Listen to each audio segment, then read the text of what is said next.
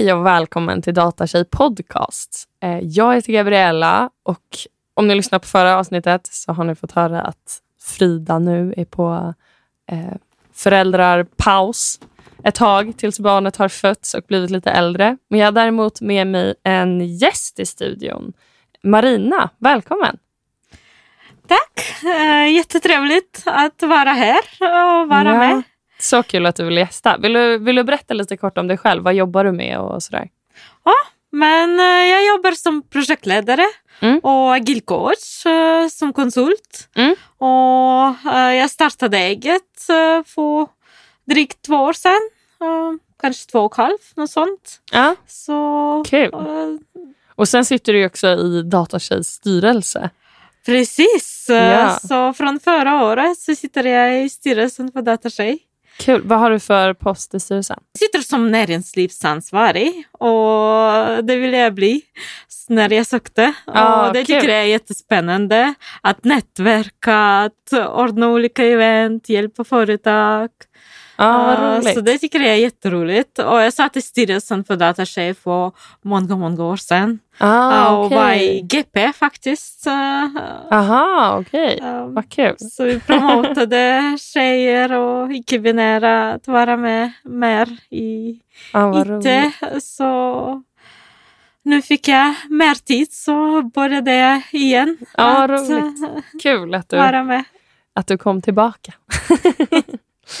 men, eh, men vi tänkte börja med idag och prata lite om eh, att du har startat eget och hur man går tillväga för att starta eget. Så vill du berätta lite om din historia? Hur kommer det sig att du, att du ville starta eget? Jag har faktiskt alltid velat starta eget. Eh, jag gick på många sådana startup-bars, Ah, okej. eh, olika event, tech-event och lyssnade på många som startade eget företag. Både de som Mm. var konsulter, egna konsulter som jag då. Mm. Och de som började med egen idé som Nude Jeans och sådana. Mm. Ja, så jag blev inspirerad och jag hade massa, massa idéer och jag fortfarande har dem. Mm. Så jag tänker kanske ha något annat verksamhet som inte är kopplat eh, direkt till lite någon Ah, okej. app eller något sånt. Mm. Men eh, faktiskt det började allt med uh, corona. Mm, det blev lite mer på riktigt. Ah. Att jag förstått att jag ändå har inte kollegor, har inte evenemang och Mm. eh, inte den delen. Så det är nog bättre att köra eget. Mm. Och eh, jag hade stor nätverk och fortfarande har. Så Mm. då startade jag och eh, det var en utmaning i Mm. sig eftersom det är ganska många papper. Eh, Ja, det- Man måste hitta redovisning, man måste nätverka mycket för att hitta Ja. uppdrag och, och så. Men det var en jätterolig resa och Ja, jag är glad att jag gjorde det. Ja. Det gav mig frihet. Eh, Ja, förstår. Men hur gick du tillväga? Liksom? Hur var första, första steget? Mm. Jag nog pratade med några kollegor Mm. som startade eget och Mm. gick som egna konsulter. Mm. Och jag pratade med dem hur de gjorde det Mm. för att få lite inblick i deras mm, liv och, Mm. och så. Och, och jag tänkte på att jag nog kan också. Varför Mm. kan de? Och de andra alla var män. Uh, jag kände ingen kvinna som startade eget uh, som IT-konsult och managementkonsult. Um, och jag var lite rädd uh, Mm. eftersom det var ändå ingen stabilitet på Nej. det sättet. Och, uh, det tar ju lite tid uh, för att få det på plats. Um, Mm. så jag hittade en uh, redovisningsbyrå. Uh, uh, jag ansökte till olika uh, brokers, olika registrerade mig på olika portal. Ah, Okej, så det finns såna portaler för att liksom hitta uppdrag och sådär? Precis. Mm. Uh, så kollade lite, undersökte lite marknaden, vad som finns Mm. uh, inom min bransch och inom projektledning Mm. och agil coaching. Um, Men så du började som, eh, som frilans eller och sen liksom startade ditt, ditt egna bolag? Först, eh, jag hade inte bolaget på plats, men jag Ja. hade uppdraget på plats. Ah, fattar. Så då jag blev anställd på ett annat företag. Ah. Och efter, när jag startade eget, så kunde jag ta över uppdraget Mm. eh, som vi kom överens. Mm. Och Ja, men det är smart. väl Det är bara bra. början av eh, Ja, exakt. Ja, men det är ju bra. Så det var ändå trygga punkten. på Exakt. Det är ju bra, bra tips för någon där ute som känner att det, är, att det känns stressigt och att man är osäker. Ska man starta upp eh, ett företag och sen så har man inte, får man inga uppdrag och så liksom att man kan hitta ett uppdrag och då tillfälligt ligga Mm. på någon slags eh, eh, frilansbolag. Liksom, och sen... Och jag kodade lite. Um, den bolag jag gick via, det var inte frilansbolag, det var vanligt aha, konsultbolag. vanliga konsultbolag. Ah, okej. Uh, men uh, mm, vi kom bra överens Ja. om upplägget. Ja. uh, att jag ska vara anställd. Ah, viss del uh, innan jag startar eget. Och då tar, tar jag över uppdraget. Men uh, innan jag startade eget, jag kodade lite för och nackdelar. Uh, Mm. Rent ekonomiskt och så. Och jag såg att det finns ganska många sådana finansbolag som mm. kan fakturera kunden Mm. och göra allt och Mm. ta mellan 5 till 7 procent kanske. Mm. Några Mm. tar lite mindre, till och med 4 procent. Mm. Så det är jättebra tips. Att man kanske kan börja fakturera via dem Ja. om man redan hittat något uppdrag Något via uppdrag, sitt ja. nätverk. Mm. Och efter starta eget. Mm. Det är också jättesmart tycker jag. Mm. Ja, men verkligen. Vad skulle du säga vad är svårast då med att vara egen? Är det att liksom, eh, sköta allt ja, men pappersarbete eller är det att hitta uppdrag? Eller är det... För mig svårast var nog att um, jag hade inte så mycket utbyta min erfarenhet med kollegor. Mm. Så um, då jag försökte hitta massa olika nätverk, event och vara social på det sättet. Jag och vara engagerad i olika föreningar. Mm. um, gå på olika um, föreläsningar till exempel, uh, som Mm. jag blev bjuden till. Mm. Um, gå på olika extra utbildningar, vara Mm. nätverkar och så. Så det var liksom att inte ha kollegor som var det svåraste? Och som, förstår jag dig rätt då? Ja, jag hade kollegor fast bara på På uppdrag. uppdraget, ja. ja. Och det var inte riktigt samma som när man Nej. jobbar på konsultbolag och man har alla evenemang tillsammans. Ja. Man kan prata om sitt uppdrag, kanske Ja. lite få någon inblick i någon annans eh, jobb. Mm, Och mm, eh, Den delen kanske Mm. jag saknade lite grann.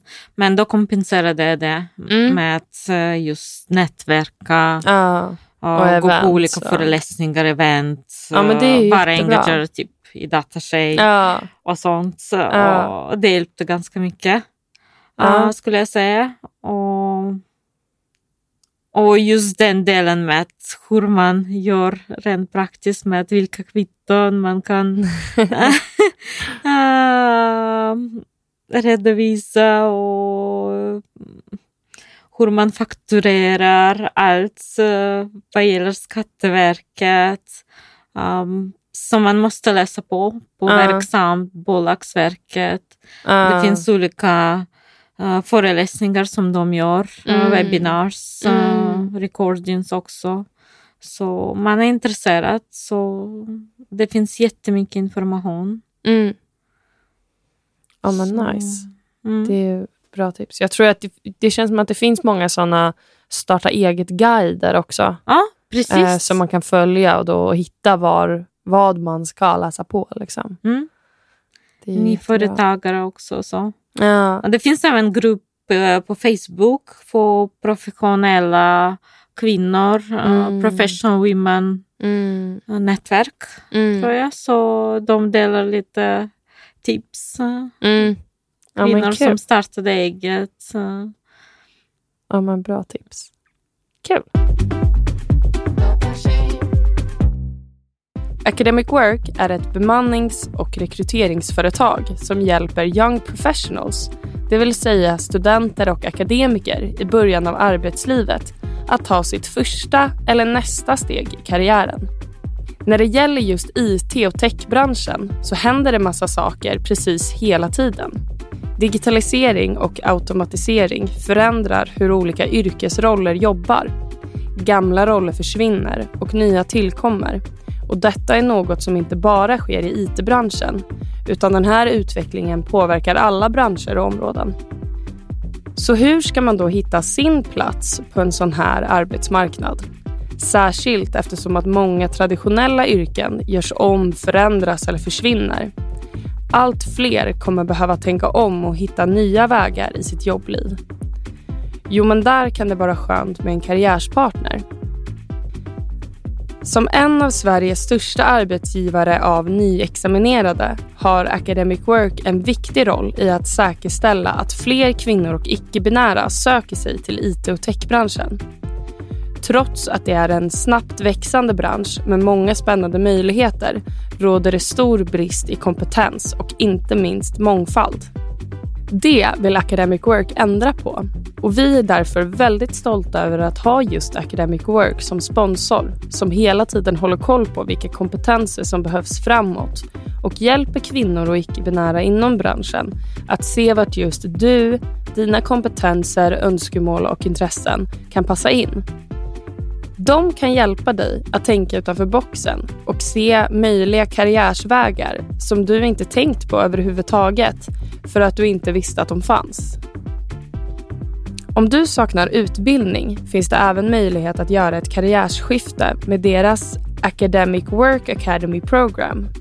Hittills har över tusen kvinnor tagit klivet in i IT och techbranschen inom deras 12 veckors program som de skräddarsyr tillsammans med företag inom branschen för att minska kompetensluckorna där det finns behov inom IT och tech. Du kan läsa mer om deras kommande utbildningar på deras hemsida och inom kort har du även möjlighet att söka till utbildningar inom Data Engineering, Cybersecurity och Industry Automation som kommer gå under sommaren. Under våren kommer Datatjej tillsammans med Academic Work arrangera flera event där du som medlem får möjlighet att möta förebilder inom branschen och IT-specialister på Academic Work som vill inspirera och hjälpa dig att ta nästa steg. Håll utkik för mer information inom kort. Vi ser fram emot att ses på våra kommande event. Men vad, vad har du pluggat för någonting? Jag har pluggat ett program som heter Software Engineering and Management. Mhm. En internationellt program mellan Göteborgs universitetet och Chalmers. Mm. Uh, så uh, det var jättespännande. Uh, massa internationella människor. uh, Mm. från Indien, från England, från Frankrike, uh, från Mhm. uh, Belarus, från Ryssland, från Sverige till och med. Mm. Uh, och det var ganska lik en annan utbildning som heter uh, systemvetenskap Ah, okej. Mm. som uh, var Chalmers utbildning. Ja. Uh, men då kunde ingen svenska alls. Ah. Eftersom jag flyttade då till Sverige, det var för 13 år sedan, Ah. 2010. Ah. Så började utbildningen. Men det var en jättebra utbildning, Mm. men ganska, ganska tuff Ah. på, på sättet att man behövde ändå uh, lära sig ganska mycket själv. Uh, och. Då frågade man uh, sina kompisar och de som man studerade med. Uh. Eftersom många kunde redan programmering. Ah, Uh, okej. Ganska Ah. väl. det var även folk som uh, typ uh, fyllde 40-45. Så Mhm. det Som var ganska utbildningen. högt och lågt. Ah. Okej. Och jag var imponerad. Så jag tänkte, det är aldrig för sent att utbilda sig om man Nej. vill gå en annan väg i karriären. Nej men verkligen inte. Och då, efter utbildningen, så tänkte jag, vem vill jag bli? Mm. Och, och jag gjorde mitt exjobb på Ericsson Mm. om hur det är att jobba agilt versus Vattenfall. Mm. och vad okej. som är bäst och vilka plus och minus finns för kunden och för företaget och så. Mm. Och kanske där det började min agilresa. Men Mm. det var ändå ganska mycket projektledning Ah. eh, i början. Och Ja. efter många företag gick mer mot det agila för kanske fem, sex år sedan. Ja, Så blev det mer poppis skulle jag nog säga. jag fattar. Men jag har alltid tyckt om projektledning och, och jobba med människor och med tekniken. Mm. De flesta som jag studerade med, de mm, jobbar mest som utvecklare och designers och arkitekt, lite mer Mm. tekniska roller. Så jag tycker det är viktigt att man vet vad man vill Mm. och man trivs med det. Ja, så gud, man ja. måste trivas med det Mm. man gör 40 timmar i veckan. Mm. Minst. ja. Då kan man bli glad, man gör sitt jobb bra. Ja. ja. Man är på rätt plats. Det tycker jag är jätteviktigt. ja, men exakt. Vad, hur, vad var det du gillade med projektledningen? Då? Vad var det som drog dig till, till det? Till den typen av roll? Jag tycker om struktur Mm. och jag tycker om att ha lite bredare perspektiv och också hands-on. Mm. Och då har man lite mer eh, kontroll skulle jag säga och över resultat. Och man kan Mm. påverka projektets resultat. Mm. Eh, och man pratar mycket med stakeholders och Mm. på olika nivåer. eh, och det tycker jag är jättespännande Mm. att se olika perspektiv. Uh, uh, facilitera workshops, Mm. skriva dokumentation, organisera arbete uh, Mm. för teamet. Uh, Ja. ja, men det är rätt varierat. mm, Det är mycket olika grejer att göra. Och det är olika projekt också. Ja, exakt. Så varje dag är inte lik uh, det andra. ja, men kul. Eh, ja, men för sen när eh, jobbade du som agil, agil coach innan du startade eget som det? Eller hur, hur kom du in på just agil coach? Liksom? Jag jobbade också som agil coach, Mm. mm. Scrum Master innan.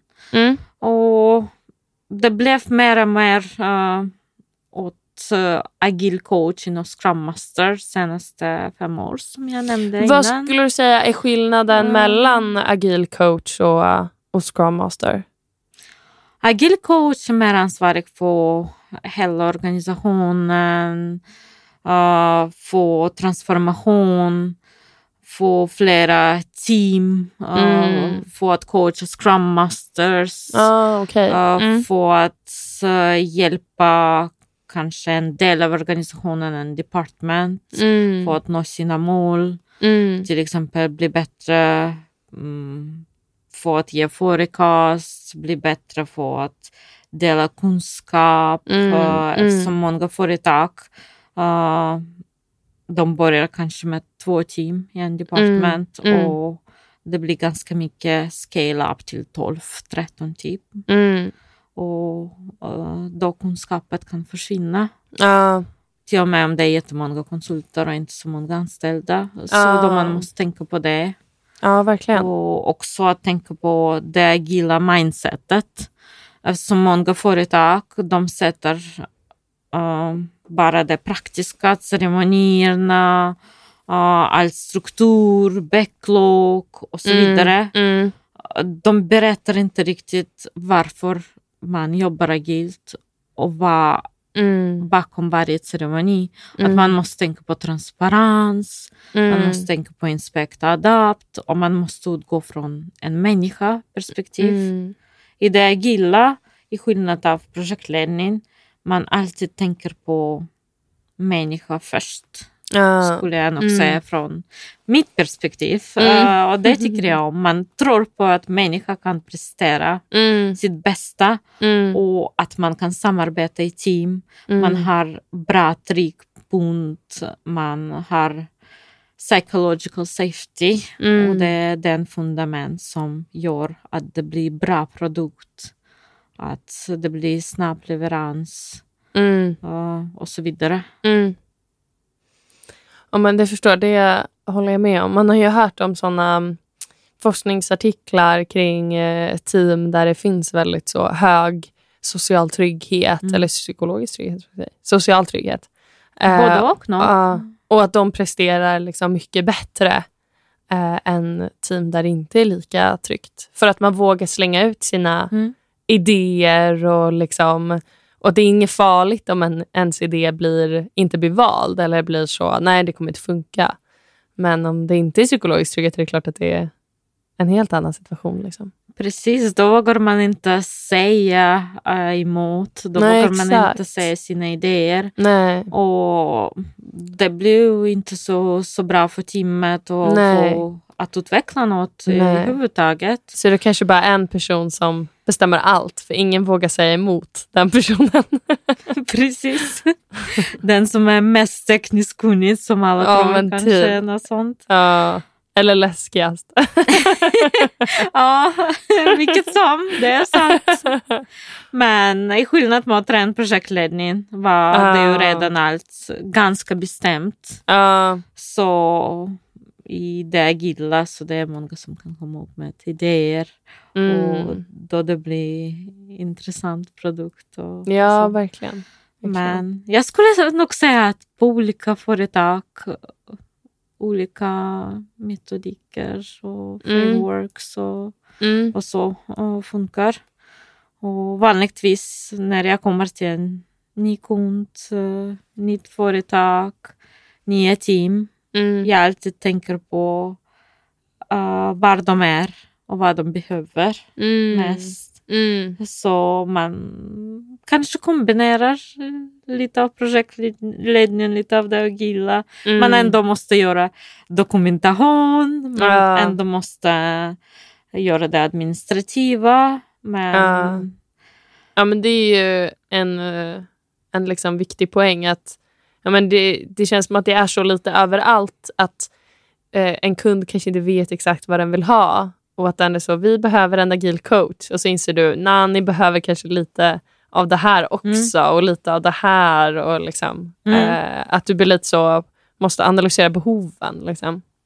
precis, och man pratar också att det finns ju olika maturity of the team. Mm. Just Till exempel Susan Whelan eh, i sin bok pratar om olika nivå, typ när de börjar precis uh, att bygga en ny team. Så, Var det så? team behöver mer direktion. Ja, vad är det så? Forming... Eh, vad är det? Det är någon sån här forming... Storming, storming. norming, performing. Exakt, exakt. Adjuren finns också. ah, okej. Och typ ja, någonting som är när, man, när teamet ska läggas ner. Det kanske är during. Eller? Det är lite mer att alla team från varje stek till stek, de kan ju gå tillbaka Ah, Steg okej, back. okej. om något förändras. Till exempel om Ah. de får en ny medlem i Ja, teamet. exakt, exakt. Så de måste gå tillbaka till stormen. Ah, fattar. Ah. alltså det här kan vi, vi kan ju berätta supersnabbt vad det är. Det är alltså att ett team går igenom forming när man är så supertrevlig mot varandra i början och allting känns toppen, lite honeymoon face. Och sen är det storming när det kanske börjar bli så lite friktion. Eh, man börjar störa sig lite och sen börjar norming när man börjar normalisera, man börjar landa i processerna. Och sen är det performing, när allting liksom bara sitter som kugghjul och rullar på. Och man, alla vet vad man har varandra och Precis. man mår bra som team. Och det finns ändå konflikter när jag är performing, Mm. men de löses på bra sätt. Ja, inte som exakt, i stormen exakt. Nej, Så precis. det är väl Det är väl det. Det är Ja. som alla relationer kanske. Ja, Man måste gå igenom olika faser. ja. ja men och sen är det som du sa, att, att eh, om någonting litet förändras så kan man ju ta ett steg tillbaka liksom, i den här processen. Att man ramlar tillbaka i storming eller att man liksom eh, kanske går tillbaka från performing till norming i alla fall. Inte prestera på topp Precis. för att man behöver vänja om sig om någonting förändras. Liksom. Eh, så Till exempel, det, ju- jag tänker ju samma på vanliga personliga relationer. Om Mm. eh, man flyttar till ett annat land, det blir en annan typ av Ja, relation gud. också. Eh, Ja, man verkligen. kanske blir frustrerad som person. Eh, om man föder barn, Ja, gud det är ja. också helt annat eh, livsstil och så. Ja, Så- verkligen. Det är sant. Man kan verkligen applicera det på ens eh, vanliga relationer Mm. också. Att man är så performing, man mår toppen och sen så skaffar man barn och så blir det så storming för att alla utomstående variabler har plötsligt förändrats. Och det är så, inget är som vanligt längre. Ja, det är ju sant. Men det är också hur snabbt man kan eh, mm, ändra sina tankar och på något sätt ja, prata med andra och Mm. vara öppet och transparent. Ja, ja, det känns ju också som att ett team som är performing kommer ha lättare att komma tillbaka till att bli performing igen efter att man har gått tillbaka till storming Precis. eller så kanske. Eh, än ett, ett helt nytt team kan ju ta ganska lång tid innan det blir stabilt liksom, och kommer Mm. till performing. Känt, det här är ju bara min så hobbyanalys, egna erfarenheter. Ja, men jag tycker det är jätteintressant. Det är ganska Mm. mycket psykologi i det egentligen. ja, Men jag tänker på det. Och många eh, frågar mig, men, eh, vad gör du Marina egentligen? mm. Eh, de förstår inte vad agile coach, scrum master, vad är det för något? ja. Alltså, jag brukar säga att det är lite som fotbollscoach. Ah. Då förstår de lite bättre. Ja. ja, men det är ändå en bra beskrivning. Fotbollcoach för, eh, för små barn också. Så man måste så vara snäll. Ge, ge så pepp.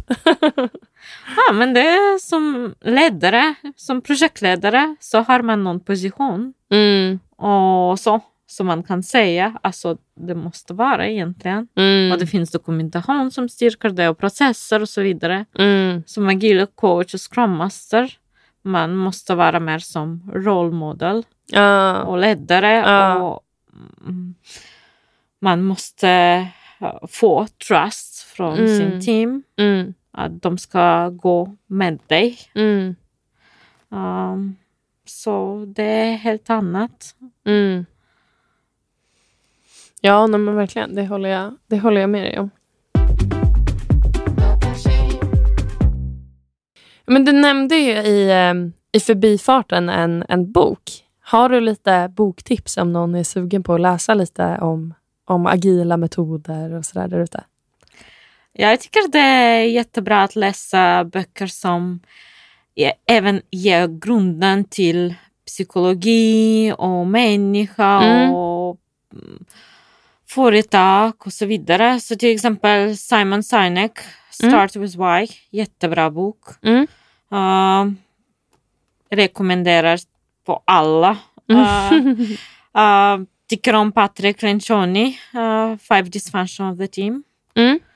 Uh, grundar sig på att alla team måste ha en trust i botten Mm. och då man måste utgå från det. Ja. Uh, han har också jättebra team assessment för five Mm. dysfunctions Mm. uh, och olika exempel och så. Mm.